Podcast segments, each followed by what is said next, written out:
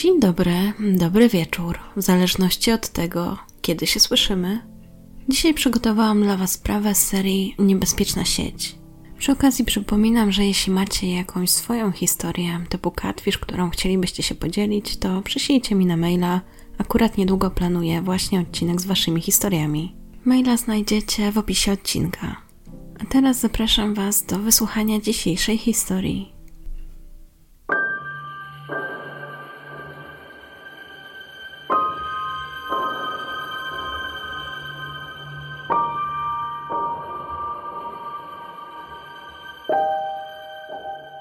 2010 roku Alicia DeBolt skończyła właśnie 14 lat. Mieszkała ze swoją mamą i starszą przyrodnią siostrą w Great Bend w Kansas. Mama Alicia miała niewielkie szanse, aby zajść w ciążę, tak więc gdy urodziła Alicia w 1995 roku, nazwała ją swoim cudownym dzieckiem. Dziewczyna, jak większość nastolatek, była uzależniona od swojego telefonu. Interesowała się też cheerleadingiem, gimnastyką, bardzo lubiła kolor różowy. Bardzo też lubiła chodzić na zakupy, kupować nowe ubrania. Ogólnie była grzeczną nastolatką, choć w przeszłości miała już jedną ucieczkę z domu, ale wydawało się, że ta sytuacja została opanowana. Z mamą uzgodniły, że co by się nie działo, do 12 zawsze powinna być w domu. I Alicia się tego trzymała. Według swoich znajomych również była określana jako pogodna, serdeczna, często się uśmiechała. Znajomych miała bardzo dużo, jednak nie tylko w świecie tak zwanym realnym, ale także w tym świecie online. I zwłaszcza tym drugim poświęcała bardzo dużo czasu. Lubiła być w ciągłym kontakcie, więc bardzo często z kimś pisała. Oprócz pisania, lubiła też robić sobie zdjęcia i wrzucać je na różne kanały social media, które były komentowane przez jej znajomych i nie tylko. Było to dla niej bardzo ważne. Miała tam wielu tak zwanych znajomych, a mówię tak zwanych, bo niektórych wcale nie znała. Ale jak to bywa w świecie online, nie trzeba się znać, aby stać się znajomymi. Jakkolwiek dziwnie to brzmi. Jej najbliższą przyjaciółką była Vicky Crawford. Dziewczyny chodziły razem do szkoły, bardzo często też ćwiczyły różne figury, które przeważnie ćwiczyły czy liderki. Była to jej wielka pasja i zależało jej na tym, aby być najlepszą. Bardzo chciała też wejść w skład drużyny, która tworzyła się w liceum. Bo Alicia była w wieku, kiedy właśnie zmieniała szkołę i szła do pierwszej klasy liceum. W końcu otrzymała wiadomość, na którą tak bardzo czekała. Spełniły się jej marzenia, bo okazało się, że dostała się do grupy liderek. Oczywiście od razu pochwaliła się tym na swoich profilach i dostała dużo gratulacji. Inną jej koleżanką ze szkoły była Marisa. Alicji bardzo imponowało to, że Marisa znała starszych chłopaków. Dziewczyna była już w momencie, gdy zaczynała się interesować chłopakami, bardzo chciała im imponować, a tym bardziej tym starszym. A dzięki Marisie poznała m.in. 19-letniego Iwana Ramireza. Koleżanka od razu jej zaczęła sugerować, że wpadła mu w oko, a Alishi jak najbardziej to się podobało. Zwłaszcza, że ostatnio robiła wszystko, aby wyglądać trochę na starszą. Malowała się i ubierała tak, aby podkreślić swoją kobiecą figurę. Jej przyjaciółce Vicky nie do końca podobało się takie zachowanie. Uważała, że powinna być bardziej ostrożna, a zwłaszcza powinna uważać na to, z kim się spotyka. Uważała, że dziewiętnastolatek dla czternastolatki jest nieodpowiedni i martwiła się o przyjaciółkę. Ale Alicia była w tym wieku, kiedy chciała po prostu dać się ponieść emocjom, coś przeżyć. Imponowało jej, że starszy chłopak zwraca na nią uwagę i nie chciała nikogo słuchać. Tami, mama Alishi, również zauważyła, że jej córka powoli się zmienia. Wiedziała, że w końcu ten moment nadejdzie i z dziecka będzie powoli przeistaczała się w kobietę, ale dla niej zawsze miała być małą dziewczynką. W 2010 roku koniec lata przypadał na przedostatni tydzień sierpnia. Przed Alicią był ostatni weekend, zanim zacznie nową szkołę, więc gdy dostała propozycję, aby tego wieczora udać się na imprezę, z chęcią ją przyjęła. Zwłaszcza, że miał być tam Iwan oraz jej koleżanka Marisa, więc nie wyobrażała sobie, że miałoby tam jej nie być. Poinformowała mamę, że ma takie plany i obiecała, że wróci do dwunastej. W dniu przed imprezą wybrała się jeszcze z siostrą na zakupy. Tego dnia kupiła nowe ubrania i wisiorek, które potem planowała założyć właśnie na wieczór. Wisiorek spodobał jej się tak bardzo, że od razu go założyła, a po chwili siostra zrobiła jej zdjęcie na pamiątkę, aby pokazać jak ładnie w nim wygląda. W międzyczasie, gdy tylko miała chwilę, z kimś SMS-owała, ale nie mówiła siostrze z kim. Wiedziała, że siostrze podoba się Iwan. Wspomniała też kiedyś o jakimś Roko, który miał 25 lat i z którym wymieniała się wiadomościami. Jedynie co to ostrzegła ją wtedy, że tak starsi mężczyźni jednak nie powinni ją w tym momencie interesować, bo to jednak zbyt duża różnica wieku, no i żeby na siebie uważała. W domu dziewczyny były całkiem późno i w zasadzie po dziesiątej Alicia dopiero zaczęła się szykować na imprezę. Plan był taki, że około godziny 11 miał po nią przyjechać Iwan i potem mieli jeszcze po drodze zahaczyć o Marisę, a potem razem wybrać się na imprezę.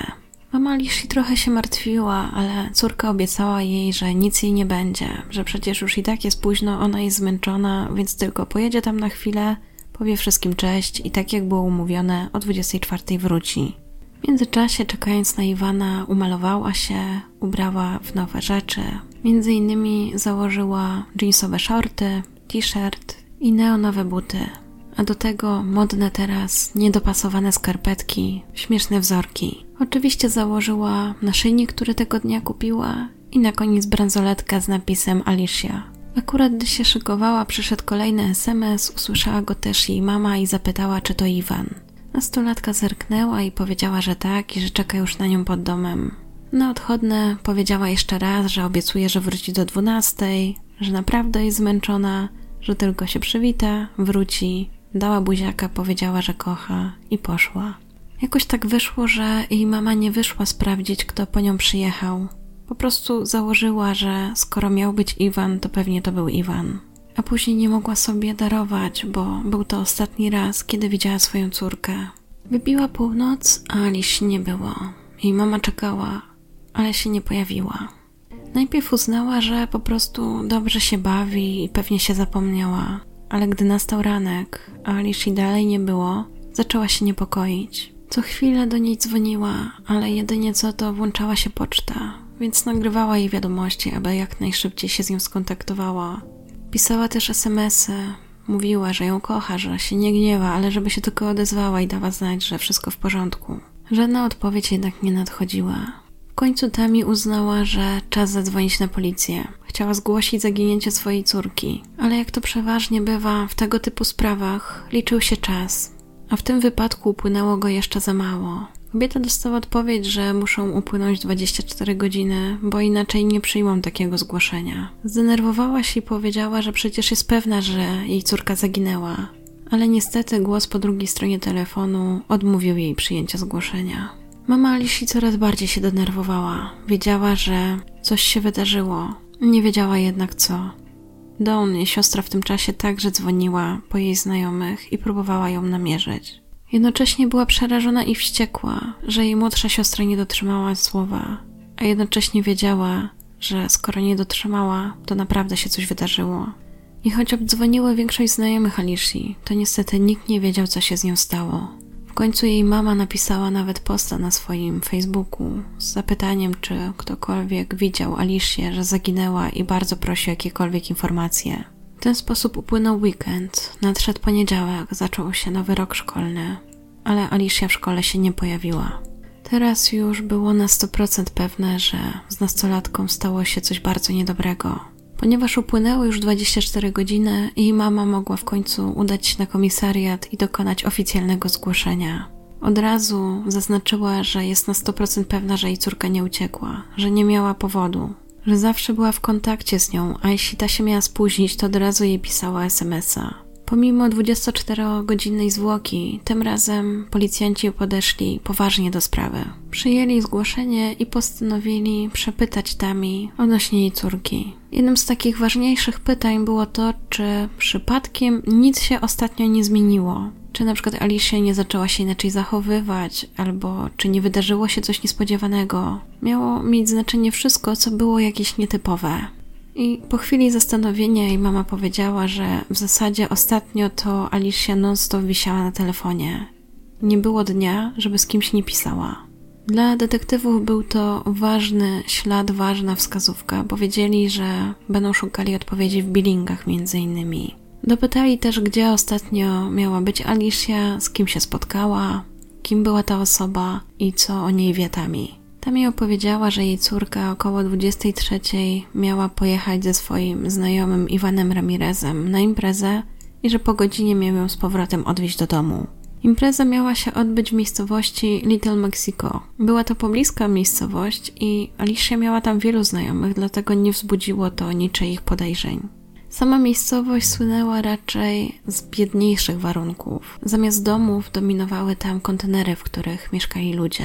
Ale oprócz miejscowości w zasadzie nie było wiadome, do którego budynku miała się udać Alicia tego wieczoru. Gdy detektywi rozmawiali z mamą nastolatki, w tym czasie jej siostra rozwieszała plakaty po całej miejscowości o tym, że zaginęła. Następnie, gdy policjanci uzyskali wszelkie możliwe informacje od Tami, postanowili popytać jeszcze sąsiadów. Wiedzieli, że pierwszą osobą do sprawdzenia będzie Ramirez, że trzeba będzie sprawdzić, czy byli na jakiejś imprezie, czy dojechali, szukali jakiegokolwiek tropu. Oprócz tego, że wrzało wśród sąsiadów, wrzało także w internecie. Wszyscy pisali, że widzieli gdzieś Alicję. Niektórzy też postanawiali się troszkę zabawić i na przykład pisali, że ją widzieli, ale nie powiedzą gdzie. Na tym etapie jednak policja nie brała na poważnie tych donosów z internetu. W pierwszej kolejności postanowili się skupić na sąsiadach. Od razu zaciekawił ich też sąsiad, który kręcił się wokół domu Alicji, gdy byli tam detektywi. A gdy zapytali go, w jakim celu się tak tutaj kręci, odpowiedział, że chciał się dowiedzieć, czy może jakoś pomóc. Na szybko więc dopytali, czy znał Alicję i rodzinę, ale powiedział, że tak, o, tak trochę. Ponieważ mężczyzna nie miał już nic więcej do dodania, więc w zasadzie na tym ta rozmowa się zakończyła. Następnym celem detektywów był Iwan Ramirez, który jako ostatni miał widzieć Alicję żywą. Ten z kolei bardzo się zdenerwował wizytą detektywów i powiedział, że absolutnie nie widział nastolatki i nic nie wiedział o jej zaginięciu. Było to zaskakujące, bo według informacji to właśnie on miał zawieźć dziewczynę na imprezę, ale twierdził, że chyba się pomyliła i to nie była prawda. Pojawiło się więc pytanie w takim razie, gdzie on był w sobotę wieczorem, skoro nie dali się. Dziewiętnastolatek twierdził, że był w barze ze swoim kumplem Roko i absolutnie nie miał nic wspólnego z zaginięciem Alicji. Na ten moment detektywi musieli przyjąć wyjaśnienia chłopaka. Nic na niego nie mieli, więc nic więcej nie mogli zrobić. Po dwóch dniach od zaginięcia Alicji w końcu pojawiła się nowa informacja. Udało się dotrzeć do sąsiada, który twierdził, że w noc, kiedy Alicia wyszła na imprezę, akurat stał na ganku i widział, jak dziewczyna idzie do samochodu. Co prawda było ciemno, ale jego zdaniem to był jakiś czarny samochód. Zatrzymał się pod domem dziewczyny i ewidentnie na kogoś czekał. Po chwili z domu wyszła nastolatka i rozmawiała przez telefon. Podeszła do auta, otworzyła drzwi, ale zamiast wsiąść, przez chwilę jakby się zawahała. Odbyła krótką rozmowę z kierowcą, po czym po chwili jednak wsiadła a następnie samochód odjechał. Niestety sąsiad kierowcy nie widział. Nie zapamiętał także numerów rejestracyjnych. Śledczy, nie mając dalszych tropów, uznali, że czas przyjrzeć się jeszcze raz wszystkim osobom, które do tej pory przesłuchali i zerknąć, czy ktoś nie wzbudza ich podejrzeń. Zaciekawił ich w ten sposób m.in. sąsiad, który tamtego dnia się kręcił, gdy oni byli w domu Alicji. Według ich danych był to Adam Longoria i nie był to znajomy rodziny. Detektywi postanowili zaprosić go na komisariat i zapytać o parę rzeczy. Mężczyzna twierdził, że Alicia znał tak sobie, kojarzył jedynie, że spotykała się z takim starszym chłopakiem, Iwanem Ramirezem. Twierdził, że doszły go słuchy, iż był ostatnią osobą, która widziała Alicję. Do tego cały czas sugerował, że Iwan zdecydowanie wydaje się być podejrzany i może to on ma coś z tym wspólnego. Swoją wypowiedź zakończył zdaniem: Wszyscy znamy takich kolesi jak on. Jego zeznania za wiele nie dały, ale zawsze był to jakiś punkt zaczepienia. W końcu śledczy postanowili, że co prawda Alicia dalej figuruje jako osoba zaginiona, to jednak dobrze będzie mieć w razie co jakieś próbki jej DNA, żeby mieć materiał porównawczy. W związku z tym udali się do jej domu i poprosili o szczoteczkę i jej t-shirt. Następnie detektywi zdecydowali, że czas jeszcze raz porozmawiać z Iwanem Ramirezem. Coś w jego odpowiedziach policjantom się nie podobało i stwierdzili, że trzeba to wyjaśnić raz a dobrze. Jeszcze raz otrzymał pytanie, czy na pewno nie miał z Alicją żadnego kontaktu. Powiedział, że nie, że nie było go tam i że w tym czasie był z kumplem w barze. Policjanci jednak nie odpuszczali i dociskali, czy jest pewien, czy na pewno było tak, że był z tym kumplem w barze końcu jednak tych pytań było za dużo i pod presją Iwan powiedział prawdę. Okazało się, że co prawda on był w barze, ale nie było z nim jego kolegi Roko. Co więcej i co w zasadzie bardziej zastanawiające, ten kolega bardzo go prosił, że jak coś, to ma mówić, że on z nim był w tym barze i zapewnić mu alibi. Detektywów bardzo to zaciekawiło i postanowili, że muszą się dowiedzieć, kto to jest ten Roko i iść jego tropem. Niestety nie zdążyli, bo zanim zaczęli jakiekolwiek działania w tym zakresie, zadzwonił telefon. Okazało się, że w pobliskiej fabryce za miastem znaleziono ciało. Jednak ciało było w takim stanie, że nie dało się zidentyfikować, kto to jest, bo ktoś to ciało podpalił i gdy zostało znalezione, było już całkowicie zwęglone. Na ciało trafili pracownicy fabryki asfaltu. Początkowo myśleli, że jest to manekin ukryty za stosem kamieni, ale gdy podeszli bliżej, zobaczyli, że to ludzkie ciało. Od razu wezwali policję i czekali na jej przyjazd. Detektywi, którzy przyjechali na miejsce, byli w szoku. Nie spodziewali się tego, co zostaną. Nie było jeszcze wiadome, czyje to ciało, ale obok niego udało się znaleźć naszyjnik. Jeden ze śledczych od razu skojarzył, że taki sam naszyjnik kupiła Alicia w dniu zaginięcia.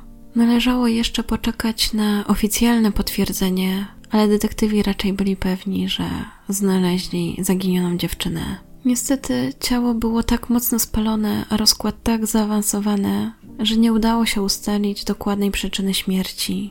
Koroner musiał użyć dokumentacji dentystycznej, aby zidentyfikować ciało dziewczyny. Dopiero na tej podstawie udało się potwierdzić, że jest to Alicia. To, co było trochę pocieszające, to to, że lekarz powiedział, iż podpalenie nastąpiło już po śmierci. Detektywi, mając te informacje, zaczęli się zastanawiać, co dalej robić. Postanowili wrócić do zeznań Ramireza i sprawdzić, kim jest owy Roko. Okazało się, że jest to mężczyzna, z którym już rozmawiali. Był to sąsiad, który kręcił się koło domu Alishi i usiłował wzbudzić podejrzenia w stronę Iwana. Mężczyzna ten nazywał się Adam Longoria. Miał 36 lat. Ważył około 73 kg i miał 1,70 m wzrostu. Urodził się 23 listopada 1973 roku i co było zastanawiające, był zatrudniony w fabryce asfaltu, dokładnie w tej samej, gdzie znaleziono ciało Alishi. Mężczyzna od 7 miesięcy mieszkał w okolicy ze swoją partnerką i jej dwójką dzieci w wieku 10 i 12 lat. Było więc pewne, że policjanci muszą go odwiedzić. Zanim jednak planowali to zrobić, w pierwszej kolejności musieli odwiedzić rodzinę Alishi i przekazać im smutną informację. Rodzina oczywiście była załamana, bo nie jest to wiadomość, jaką ktokolwiek chciałby usłyszeć. Tami bardzo chciała zobaczyć swoją córkę, ale detektywi jej to odradzili. Pokazali jedynie naszyjnik i potwierdzili, że na pewno to ona. Nie tylko rodzina Alishi to dotknęło, ale całą społeczność. Ponad 2000 osób wzięło udział w czuwaniu upamiętniającym nastolatkę. W tym czasie detektywi prowadzili swoje śledztwo. Wiedzieli już, że będą chcieli przesłuchać Adama, ale zanim to zrobili, postanowili jeszcze raz porozmawiać ze wszystkimi znajomymi Alishi. Między innymi dotarli do Marisy, która powiedziała, że rozmawiała z Alicją tego dnia, gdy szykowała się na imprezę. Mówiła jej wtedy, że Iwan po nią przyjedzie i bardzo się z tego cieszyła. Umówiła się też z Marisą, że po prostu jak do niej Iwan przyjedzie, to potem podjadą do niej, było to jakieś 5 minut drogi, a następnie pojadą na imprezę. Marisa była też tą osobą, z którą Alicia rozmawiała wychodząc z domu o 23. Potwierdziła jej wtedy, że już wsiada do auta i zaraz u niej będą. W końcu nadeszły bilingi, więc można było sprawdzić, z kim faktycznie Alicia rozmawiała, a zwłaszcza z kim SMS-owała tyle czasu. Nie było to jednak łatwe zadanie, bo tych pozycji było tysiące. W końcu analitykom udało się trafić na interesującą wiadomość z godziny 14 w sobotę w dniu zaginięcia Alishi. A wiadomość ta brzmiała mniej więcej tak: O której chcesz, żebym cię odebrał? Następnie wymienili jeszcze kilka SMS-ów i wynikało z nich, że razem mają iść na imprezę. Pojawiło się więc pytanie, kto pisał te SMS-y? Czy mógł być to Iwan, czy jednak ktoś inny? Na podstawie tego, co do tej pory detektywi się dowiedzieli, ustalili, że Alicia naprawdę wierzyła, że idzie na imprezę i że przyjedzie po nią Iwan. A przynajmniej tak mówiła nawet swoim koleżankom i nie zająknęła się nic na temat, czy miałby być ktoś jeszcze. O 23.02 dostała tego SMS-a, o którego pytała ją mama. To było wtedy, gdy pytała, czy Iwan po nią przyjechał. Alicia potwierdziła i wyszła. Ten SMS brzmiał: Jestem. Wyglądało więc na to, że osoba, z którą pisała, była tą samą osobą, która po nią przyjechała. Śledczy potwierdzili też, że faktycznie ostatni telefon wykonała do Marisy. I potem nie było już żadnych połączeń. A 40 minut później telefon nastolatki został wyłączony. Teraz to, na co czekali detektywi, to była informacja, do kogo należał ten numer. Bez tej informacji nie dałoby się popchnąć śledztwa do przodu, więc była bardzo istotna. W końcu udało się ustalić, kto jest właścicielem tego numeru. Gdy śledczy zobaczyli nazwisko tej osoby, wiedzieli, że mają głównego podejrzanego. Osobą, do której należał ten numer telefonu, był Adam Longoria, zwany Roko. Powoli z puzli zaczynała tworzyć się układanka. Trzeba było tylko znaleźć podejrzanego. Detektywi pojechali do jego domu, ale drzwi otworzyła jego dziewczyna Iwa, twierdząc, że Adama w domu nie ma. W związku z tym śledczy zostawili jej wizytówkę i poprosili, żeby mężczyzna zgłosił się następnego dnia na komisariat. Odchodząc pod ich domu, zauważyli jeszcze czarnego Forda Escape'a i zapytali, czy jest to samochód, którym jeździ Adam. Kobieta potwierdziła, a dla detektywów była to kolejna wskazówka. Jednak to, co udało się do tej pory zebrać na temat Adama, to były jedynie poszlaki. Wciąż potrzeba było mocniejszych dowodów. Następnego dnia, zgodnie z zaleceniem, mężczyzna zgłosił się na komisariat i było to dobrowolne z jego strony. Od razu został postawiony przed faktem, że detektywi wiedzą, iż pisał SMS-y z nastolatką i chcieliby, żeby im to wytłumaczył. Mężczyzna krzyczał, mówił, że to są bzdury i że tak naprawdę to powinni porozmawiać z Ramirezem, a nie z nim. W końcu pod presją zaczął się wykręcać i powiedział, że może to i on pisał te smsy, ale to Iwan kazał mu je pisać. I chwilę później zadzwonił jego telefon. Bez krępowania odebrał i dowiedział się od swojej dziewczyny, że policja właśnie przeszukuje jego auto. Bardzo się zdenerwował i powiedział, że on w takim razie wychodzi. Samej dziewczynie kazał nic nie robić. Jako, że było to dobrowolne przesłuchanie, policjanci nic więcej nie mogli zrobić. Postanowili jednak, że porozmawiają z Iwą, która może więcej coś powie o tamtej nocy. I faktycznie kobieta była bardzo przestraszona, bardzo nerwowa, ale w końcu powiedziała, że Adama nie było tamtej nocy w domu. I że jak wrócił rano, to cały śmierdział benzyną, a do tego samochód, który od niej pożyczył, również miał taki sam zapach. Co więcej, wziął swój t-shirt i pociął go na kawałki, a następnie dał je Iwie i powiedział jej, aby się ich pozbyła. Były to kolejne zeznania, które wskazywały na to, że Adam ma coś wspólnego z tym, co się stało Alishi. W międzyczasie policjanci skonfiskowali fortę kobiety, a ich dom został dokładnie przeszukany. W tym momencie śledczy mieli już solidne powody, aby móc zatrzymać podejrzanego.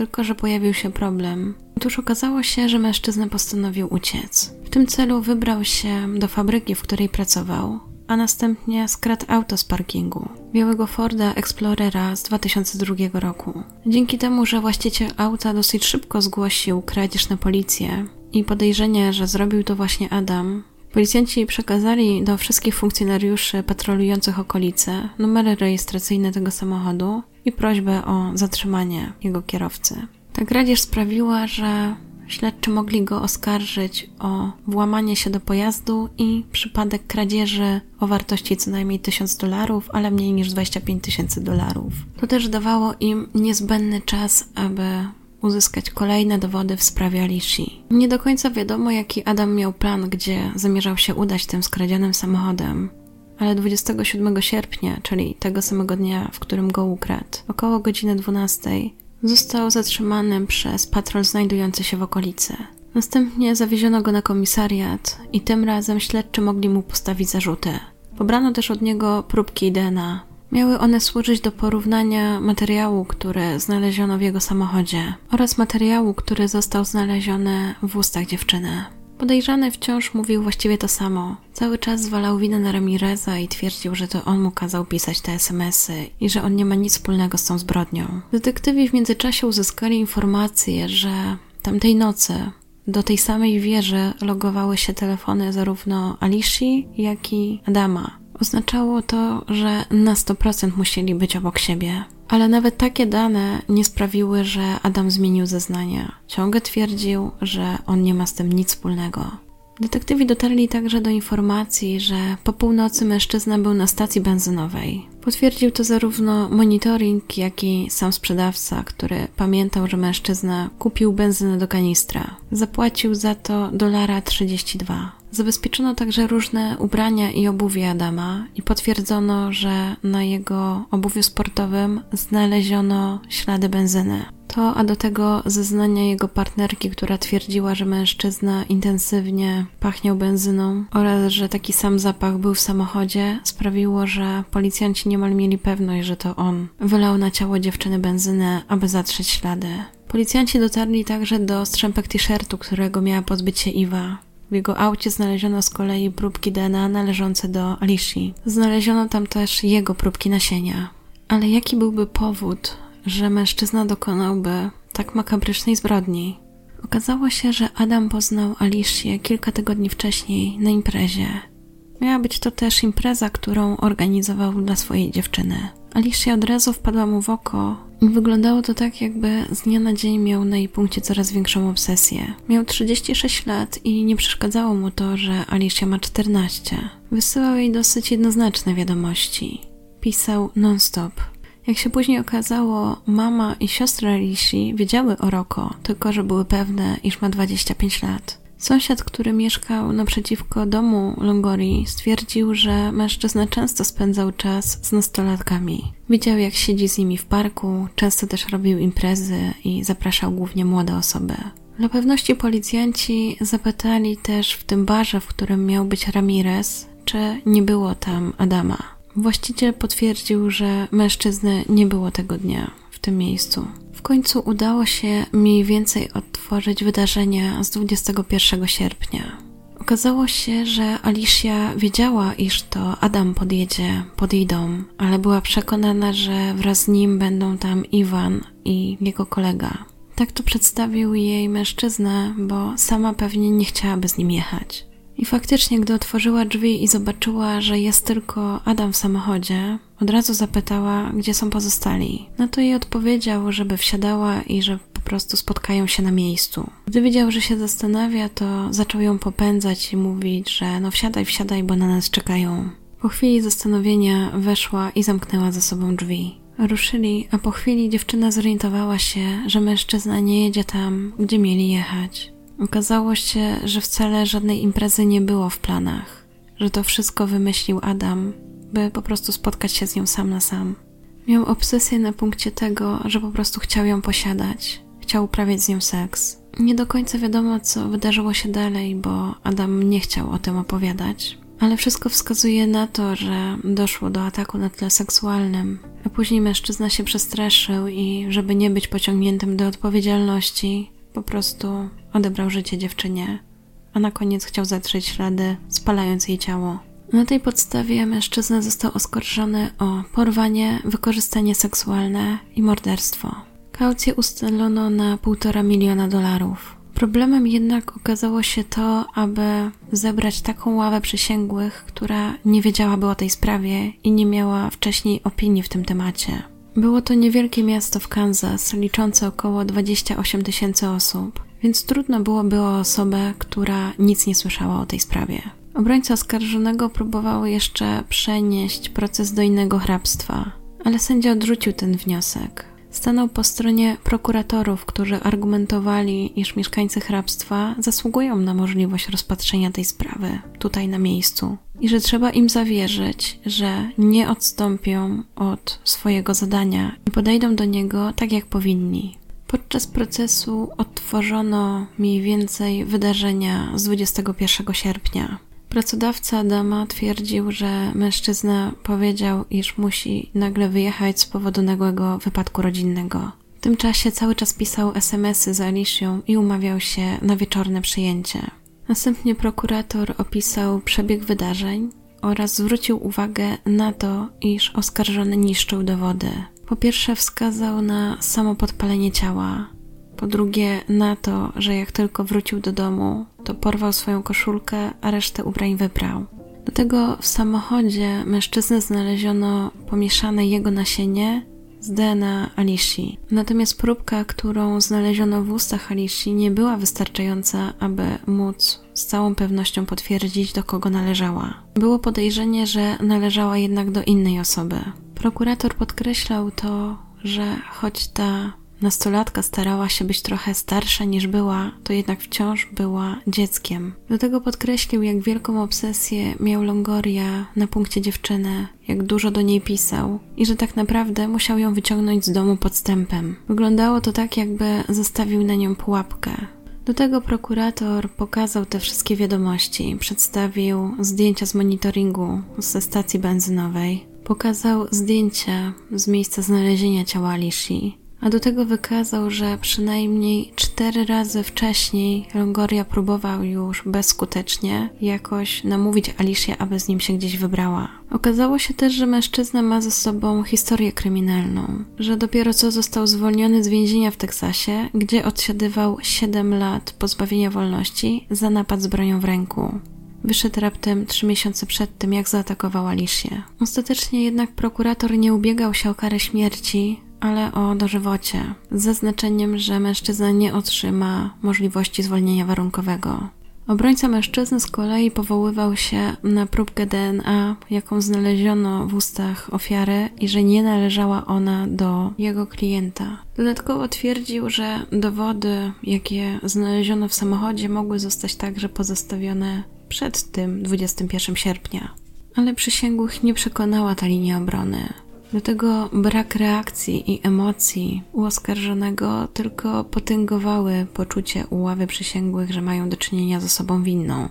Ostatecznie dwa lata później, czyli 26 czerwca 2012 roku, ława przysięgłych ustaliła wyrok. Mężczyzna został uznany za winnego a w związku z tym sędzia zastosował się do prośby prokuratury i wydał wyrok dożywocia bez możliwości wcześniejszego zwolnienia warunkowego. Aktualnie mężczyzna przebywa w zakładzie karnym Ellsworth w Kansas. Po procesie mama i siostra Alicia wydały swoje oświadczenia.